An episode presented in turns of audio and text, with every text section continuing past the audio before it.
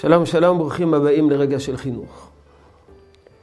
מדוע בני אדם שותים אלכוהול? מדוע יש תרבות של צריכת אלכוהול?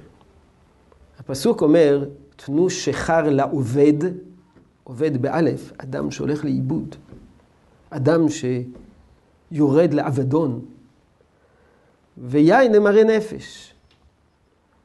אומרים חז"ל, שהקדוש ברוך הוא לא ברא את היין, אלא עבור האובד ובעבור מרי הנפש. בשבילם הקדוש ברוך הוא ברא את היין.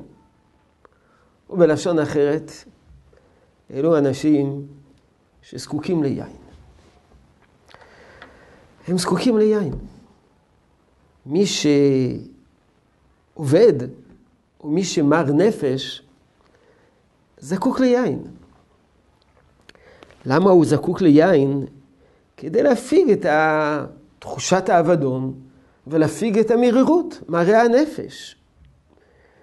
כידוע, שתיית יין היא לא הבעיה.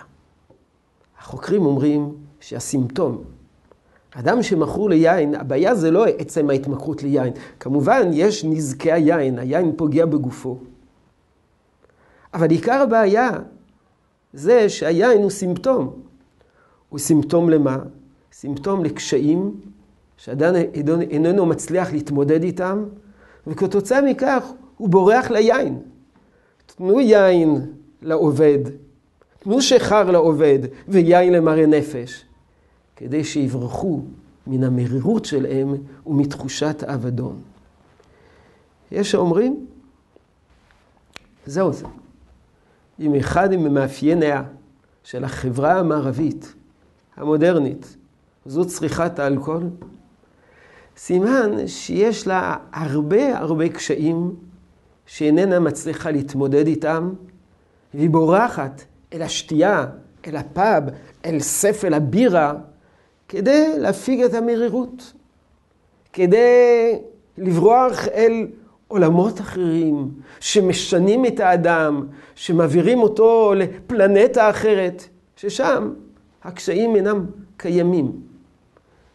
איזה קושי החברה המערבית בורחת, אולי ממשמעות לחיים. שוב, נזכיר מדברי החוקרים, שאומרים שאחד הגורמים, אולי הגורם המרכזי המביא לאדם עושר, עושר באלף, זה כאשר יש משמעות לחיים שלו. אדם שאין משמעות לחיים שלו, ואיננו מאושר.